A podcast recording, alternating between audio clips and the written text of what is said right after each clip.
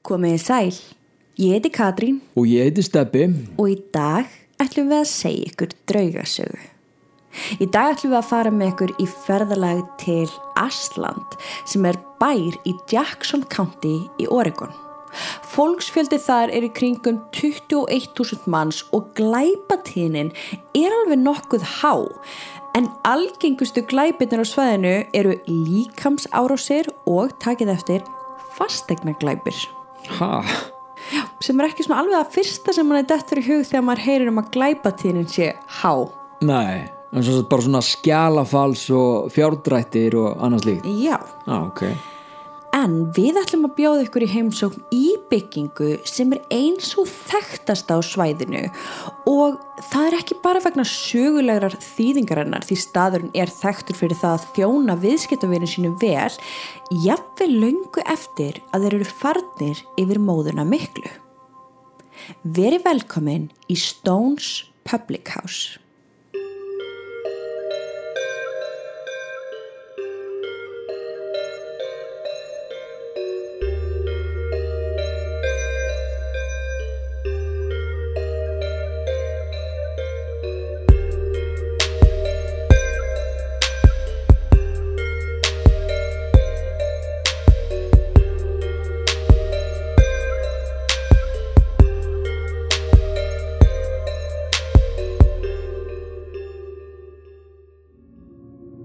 Stones Public House er líklega einn þekktasta byggingin í Ashland að minnstakosti á ferðamönnum en það tengist þessi bygginga einhverju leiti sögu Ashlands en til þess að við áttum okkur á af hverju þessi bygging er svona reynd þá er mikilvægt að þekka söguna á bakvið húsið og mannin á bakvið nafnið Algjörlega. Stone fjölskylduna má rekja aftur til 1635. Langa við Johns maðurannafni Gregory Stone, hann setti stað í Watertown komandi frá Englandi og ég ætla ekki að fara frekar í fjölskyldu söguna Ok. af því að þetta er ángríns bara þessi maður, svo næsti maður, næsti Já, maður, næsti já, Þú veist, þetta er alltaf flókið og raunin skiptir ekki allir máli Ok. en á einhverjum tíampunkti þá fæðist okkar maður hann John Hann eignast konu og saman eignast þau sjö börn og þau byggu við Union Street. Hann var bóndi að atvinnu og þjónaði í herdeldinni og varðalokum kapteinn eða fyrirliði. John, þetta, hann er klár businessmaður og hann Ok. kaupir þarna stóran hluta lands sem er núna miðbær í Asland. Í dag? Já. Já, ok. Hann vissi líka að járnbrautateinar í Boston og Worcester voru á skiplagstí og þessir teinar þeir áttu eftir að þurfa að fara í gegnum landið hans og John sá þarna tækifæri í að byggja hótel við hliðin á teinunum. Klárkall. Hótelið átti að fá nafnið Railroad House og það, byggingin okkar sem sagt hét það fyrst Já. Railroad House Í byrjun. Já, og var bara svona lítið, já, hótel eða gistiheimili. Ok. Það innihjælt hlöðu og kúabú og það var að opna með hátíðarhöldum þann 20. september 1834 þar sem Davis Sælabankastjóra á þessum tíma var heiðursgestur, þú veist, það þóttir og svo flott. Já, kannski hafa hann oft einhvern, eitthvað fjármagn í þessu. Einmitt.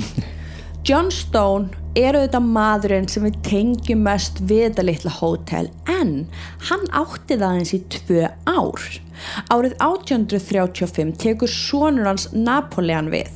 Hann sá um það alveg þangað til hann dó 11. desember 1858. Ó, ok. Eftir andlát John Stone og náttúrulega hérna sonur Son, hans já. að þá var hótelið og landið selt á uppbóði manni sem hétt Scott árið 1868 Ok. Scott átti hótelið til 1904 þegar hann seldi það til Brooks, Brooks átti hótelið í 6 ára og seldi það svo til John Williams árið 1910 Úst, Williams Já. seldi það svo áfram. Þetta er bara, þetta eigendaskipti bara Já, bara trekk í trekk. En Julius Knight fær hótelið 1912 og hann endur nefni hótelið á Asland Hotel Ok. og eins og ég sagði hann, já, húsið er að skipta oft um eigendur og það er að skipta um nafn en á einhverjum tíambundi þá ferða til mann sem heitir, uh, hét Fornier Ok. og þá var hótelið skýrt John Stones Inn eftir upprunlega eigandanum og það var líka Forner sem var fyrst var við draugagangin ok. Ok, sem sagt, já, húsi fer á milli eigenda ár eftir ár þángar til að endur í höndunum á Forner ég mæli með að þið kíkja inn á draugasögu.com og skoði mynd af húsinu til þess að þið tengi betur við söguna en ég skal lýsa því aðeins þetta er, sem þetta er mjög stórt hús. Þetta er stórt raukt hús á tveimur hæðum og greinlega með háalofti og ef maður stendur á móti því þá er líka viðbygging vinstra megin við það. Og þetta hefur í rauninni ekkit breyst í gegnum árin Það er mjög fallegt hús. Þetta er mjög fallegt hús. Það þú veist, eitthvað verið gert upp Já, að sjálfsögðu. En, en byggingin og struktúrin er alveg eins og hún Já. var bara þegar hún var bygg- byggð fyrst. Vá, það eru tveir gluggar sem koma upp úr þakinu sem eru greinilega gluggarnir af háaloftinu en svo er alveg átta gluggar af framann tveir sitt hvern megin við útidrahöruna bæði á efri og neðri hæðinni. Húsið að innan er gamaldags í enskum stíl og þykir mjög huggulegt Dökk viðargólf, dökkir viðarstólar og risastór arinn við einn veggin staðurinn er hliðin á lestastöðinni Boston and Albany sem er við aðalgötuna í Asland þú veist þannig að þetta er á mjög góðum Já, stað þetta er bara í miðinni, ok.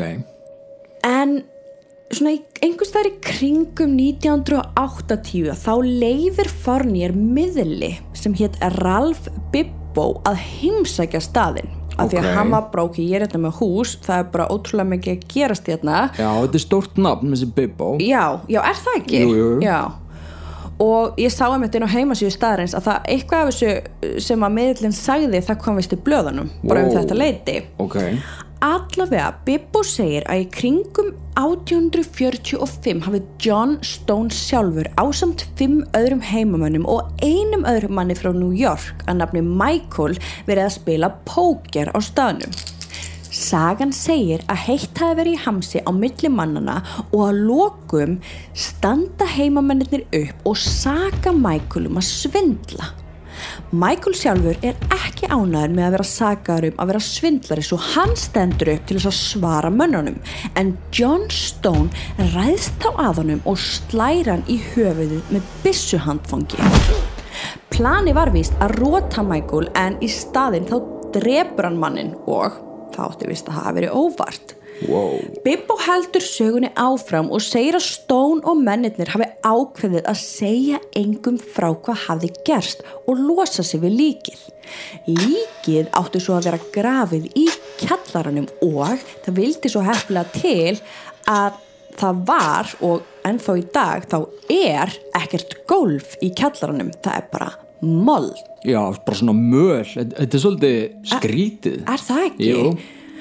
En Bibbo hann er vist svo samfærður um að sagt, leifarnar af þessu manni séu þarna í. Ok. okay. kjallarinu svo, hann- svo fornir leifur hann að byrja að grafa þarna upp og leita beinagrindinni Mhm. en, en þá hefur ekkert fundist og því er ekki vitað hvort þessi saga sé sönn eða ekki Ú, spennandi ef hún er sönn Já, að þá líklega er maðurinn grafin að það niðri og þá líklega eru bara já mjög líklegt að hann gangi svo sem aftur ef hann fær enga gröf Einmitt. nokkuð. Það er bara skrifta reymleika akkurat annar harmleikur tengist því hann ungri stúlku sem hétt Mary Jane Smith en hún lendir í hræðilegu slisi fyrir utan Stones Public House árið 1862 og þetta döðsfall er staðfest en ég fann samt ekki fréttina því meður en það er staðfest döðsfall ungra stúlku á þessum tíma á þessum stað þann 11. júni 1862 Ok, Mary Jane var 10 ára gömul þegar hún er að leika sér við lestatelina en verður svo fyrir lestinni eða það er allavega staðfest að hún hafi orðið fyrir R.R. Cars in Asland sem er þá Railroad Cars já, sem er þá í rauninni bara játbröð á vagn Já, já Mary hafði verið að leika sér nálagt heinunum þegar vagnin keirir á hana og fólk í grendinni sem var vitna þessu fer með stelpuna í næsta hús sem var John Stones Inn. Þar dó hún í tröppunum. Gestir og gangandi vegfærandur hafa séð Mary Jane í glugganum á efrihæðinni þar sem hún stendur kyrr og horfir út og því líka haldið fram að hún sé á háaloftinu. Lean Bari á Íslandi er með fyrsta flokks fæðibótarefni fyrir alla þínar þarfir hvað sem úrst að losna með auka kíló, byggja upp, auka styrk eða bara sitja heim í sófanum. Ég byrja aldrei daginn ef með ískaldri fat burner koffinbomb á mótnana til að rífa mig upp og við hjá draugasögum erum við þetta bálskotin í ghost vörulínunni þeirra. Ef þú vilt fá personlega þjónustu frá skemmtilegasta starfsfólkinu skaldu kíkja til þér í Glæsibæ eða næla þér í tilbúsverður á leanbari.is.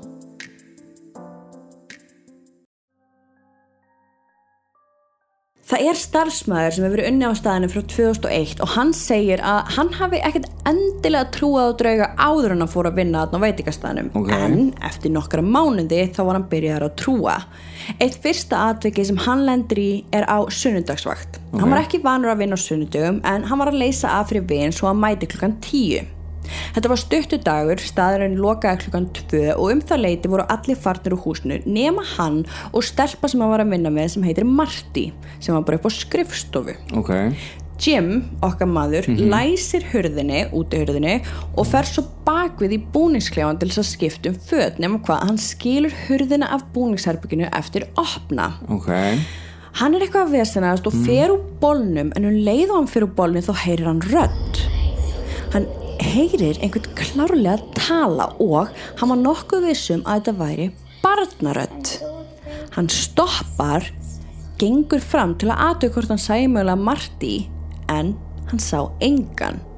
Hann fer þó aftur inn í búningsherbyggi, klæðir sig í bólinn en þá heyrir hann aðra rödd og í þetta skipti var þetta eldri kvennmannsrödd. En aftur þá heyrir hann ekki hvað hún sagði. En þrátt fyrir það að hann hafi ekki rauninni heyrt hvað þessar rattir sögðu, Já, þá heyrði hann þessar hann rattir og þetta var dagurinn þar sem í rauninni allt breytist hjá honum af því hann vissi núna að í hvert einasta skipti sem hann var að loka staðnum eftir vakt þá var hann aldrei einn. Úf, gæsa og... Það virðast flestir sem vinna á veitingastöðunum hafa upplifað einhvers konar paranormal atvik. Scott er til dæmis maður sem vinnur í eldúsinu og hann talar um að á efsti hyllin í eldúsinu séu alls konar krukkur sem eru fullar af kryttum eða óljum og það hefur vist oft gerst að þessum krukkum er ítt niður á gólfið en saman hversu fastar þetta þá brotna þær aldrei. Því ég hef ekki alveg skýringun á Já, því. það skrítið. En hann segir allavega að þetta er undarlegt af því að þetta er ekki þykka krukkur og þetta er töluvert fall en þú veist það Vá. er greinilega einhver sem er veist, og alltaf bara í þessum krukkum það er greinilega einhver sem er alltaf bara eitthvað Já. eitthvað vesennast í þeim Já, og ég meina þá er þetta kannski ekki fall, þá er kannski einhver bara að taka þetta já, já, það getur enda verið síðan er það sagan um kjólin en á þessum nútímalega veitingastað leikur gamaldags kjól frá 1862 upp á háalofti með blóðblettum í. Þetta er auðvitað kjólin hennar Mary Jane en hann er ennþá upp á háalofti. Já, margir held að þetta væru bara sögusagnir, en við vitum að árið 2003 fekk vinur okkar Jeff Belanger að fara upp á Háaloft og sjá kjólinn og hann tók líka mynd af honum sem hann setti svo í bók sem hann skrifaði. já, fannst, ég fann nefnilega ekki sko mynd á netinu Næ, en bara, bara í persónulega safninu hans. Er það ekki? Jú. Sko, og það líka fyndi að hérna, hann hafði, þetta var í annað skipti sem Jeff Belanger er að heimsækja veitingastæðin hann árið 2003 í fyrra skiptið þá hafði hann beðið um að fá að fara hann upp en hún var neitað. Já, hann mátti það ekki. og þá einmitt skrifa hann ok, þá er þetta ennþá bara sögursagnir Já. en þannig í bókinni þá einmitt útskýra hann bara hvernig hann fer hann upp 2003 og hann bara sér hann kjól og það er bara ennþá blóðblettir á honum.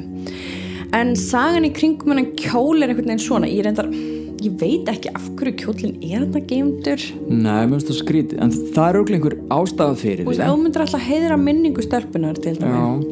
fyrir Þú ekki gera eitthvað við kjóli, myndir þú ekki ramma hann inn? Hann er, hann er bara upp á háaloft að safna reiki já, hann er ekki eins og í póka eða, Nei. hann liggur bara í svona, þú veist, af hverju, gegnum öll þessi ár?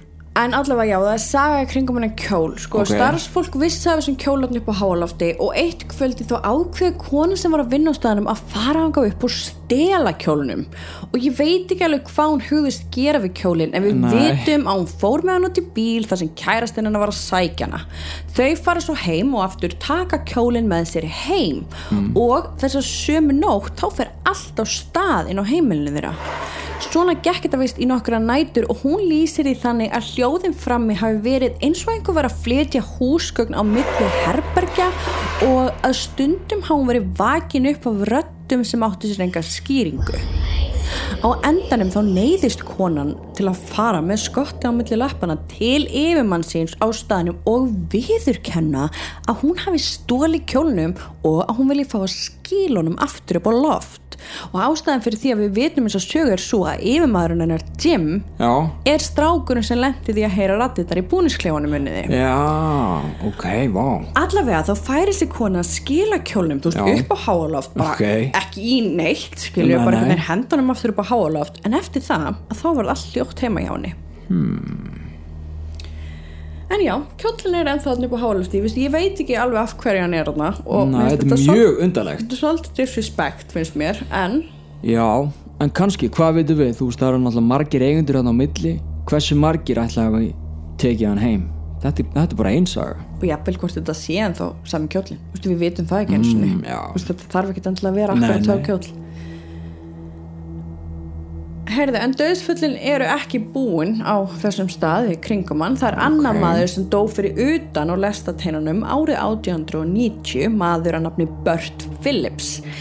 En hann hafði semst verið að drekka á Stone sem var þá hótel og ráfað fullur út að teinunum og, já, það var kyrt á hann. Andy Burt hefur sérst á staðinum og hann er talin vera ábyrgu fyrir alls konar sekkjum.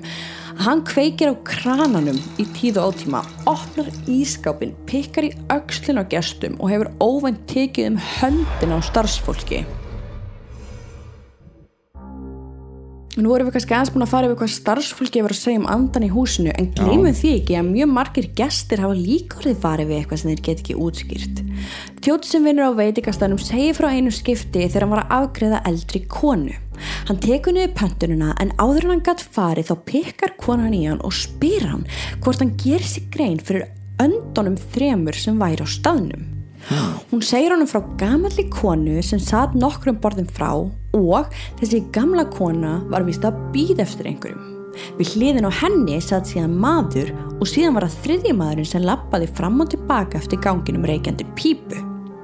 Starfsmaðurinn sér ekkert af fólk sem hún er að tala um Ó, en hann gæti ekki annað en trúa henni af því að um morgunin þegar hann mætti á vaktina með samstarfsfólki sínu þá hefðu þau einmitt verið að furða sig á pípulyktinni sem var ríkjand á staðinu. vá Svo fyrir henni haldið fram að sé að minnstakosti sjö andar á staðanum. Það eru þessi þrýr sem gesturinn sá Já. og sagði þjónunum frá og auðvitað Mary Jane og Burt en svo er það líka John Stone sjálfur og Já, Fólk vil semst meina að hann sé maðurinn sem að er að henda dóta á gólfi svo sem glösum og krukkum og að hann er það til að taka utan um hálsin á levandi fólki. býtu þá bara svona ofbeldis eða, Já, mér skrítið þess ekki tala meira um þetta en fólk hefur semst lendið því að vera þarna inni og fundið eins og einhver taki utan um hálsin á það. Þannig hann er bara að kirkja fólk Já, Úf, ég meina hann Ok. Samt vitum við ekki alveg hvort það hafi verið ábyldisniður maður en náttúrulega ef þetta sem nei. miðlinn sem það er rétt þá mögulega já. Já, já. En hann er líka talin bera ábyrð á því að sagt, setja alltaf 10 dólarar seðil í svona the tip jar. Það vist alltaf einhver svona seðil sem byrtist bara sem enginn getur útskýrt. Og það er huglega hann að teipa stafsfólkið á staðnum sínum innan geðsalaba já og það sem ég finnst samt líka merkilegt og mikilvægt að hugsa er það að þú veist auðvitað eru þau að reyna að finna einhverja útskýringar á þessu og segja þú veist já þetta er örgulega hann og Já, þetta er já. örgulega hann en ef við tökum það bara allt sann í burtu þá er greinlega mikið að gerast þetta menn, þú veist, Já. það er rammagni, það er vatnið að fara af og á Mhm. það er einhver að taka utan um hálsin á einhverjum það er hérna uh, einhver að henda niður krukkum mm. það er greinlega ótrúlega margt að Mhm. Og alls gerast konar, já, já. En í februar 2003 þá ákveður eigandi staðarins Matt að breyta nafninu í Stones Public House. Já, bara Hér- til heiðus upprunalags eiganda. Já og það hét náttúrulega John Stones Inn Já. en vegna þess að hann breytti sér rauninni úr gistiheimili. Já, þetta er ekki lengur gististæður Nei, núna er þetta bara veitingastæður en þrátt fyrir það, þá er ennþá fólk á byðlista yfir að fá staðin og gista þar. Ég skil það Má fólk gera það? Ég held ekki. Ok, Nei, ég menn þeir eru ekkert að bjóða upp á það sko, en ég veit samt að fólk náttúrulega þekkir þessar sögur og, Já, já. og þekkir húsi og veit að það er draugagangur þannig að ég, ég býst alveg við því að fólk allavega svona reyni að já, kannski að það borga nóg mikið pening. Einmitt. En Matt segir sérst að hann hafi vita af draugasögunum þegar hann keipti staðinn og þegar hann ákvað að hefja framkvæmdir til þess að betra umbæta staðinn þá hefðu allir varaðan við. Það er náttúrulega þekkt að þú veist alla svona breytingar og svona viðbætur er svona espi andahúsin svolítið upp. Já. Svona, þeir vilja hafa þetta á einhvern ákveðin hátt svo ef maður fer eitthvað að taka niður veggi eða brjóta niður einhvað sem hefur alltaf verið Já. að þá einmitt oft uh, gerist það að andarnir fara á stjá og verði reyðir og, og láta finna fyrir sér. En Matt segist ekki hafa orðið var við neitt og telur að andarnir hafa bara verið ánæðir með breytingarnar Já, sem geta alveg verið. Já, já. Matt segir að hann hafi ekki orðið var við drauga sjálfur en hann heyri oft sögur frá starfsfólki og gestum og þá aðalega um litlu leiðustelpuna í glugganum á annari hæð. Hann er vist með einhverja konu hann í vinni á sér sem að sér um daglega rekstur og hún segir við Matt bara í daginn að hún neyti að fara upp á háaloft þú veist Ok. það sem kjóllinir af því að það væri bara allt svo mikið lætið að uppi. Og samslagsfólk hennar tók alveg undir það veist, fólk vill ekki fara þarna upp og Matt segir að fílingurinn í starfsfólkinu er bara svolítið þannig Já. að veist, þessir andar mega alveg vera þarna Já. svo lengi sem þeir láta þau bara í friði Já, þannig að þið séu bara til friðsatna upp á Já, hálafti en þú veist að vita allir af þessum öndum það er Já. að finna, þú veist, þú veist alveg að þú ert að vinna í reyndu húsi einmitt þannig að þú veist, það eru svona flestir búin að vinna þarna lengi og flestir svona búin að átta sig á, þú veist, að þeir séu ekki einir en, Já. en svo lengi sem þeir bara láta þá í friði Já, það sé bara verðing sínt og þá geta bara allir lifa í sátt og Já. samlendi Stone Public House er klálega reynd starfsfólkgestir og fólk sem gengur fram hjá verið ára vart við drauga þarna. Og þá er ágætt að muna að ef þú bókar borð á staðnum þá ertu mjög líklega að fara að snæða með John Stone sjálfum. Svo ekki gleyma að skála fyrir honum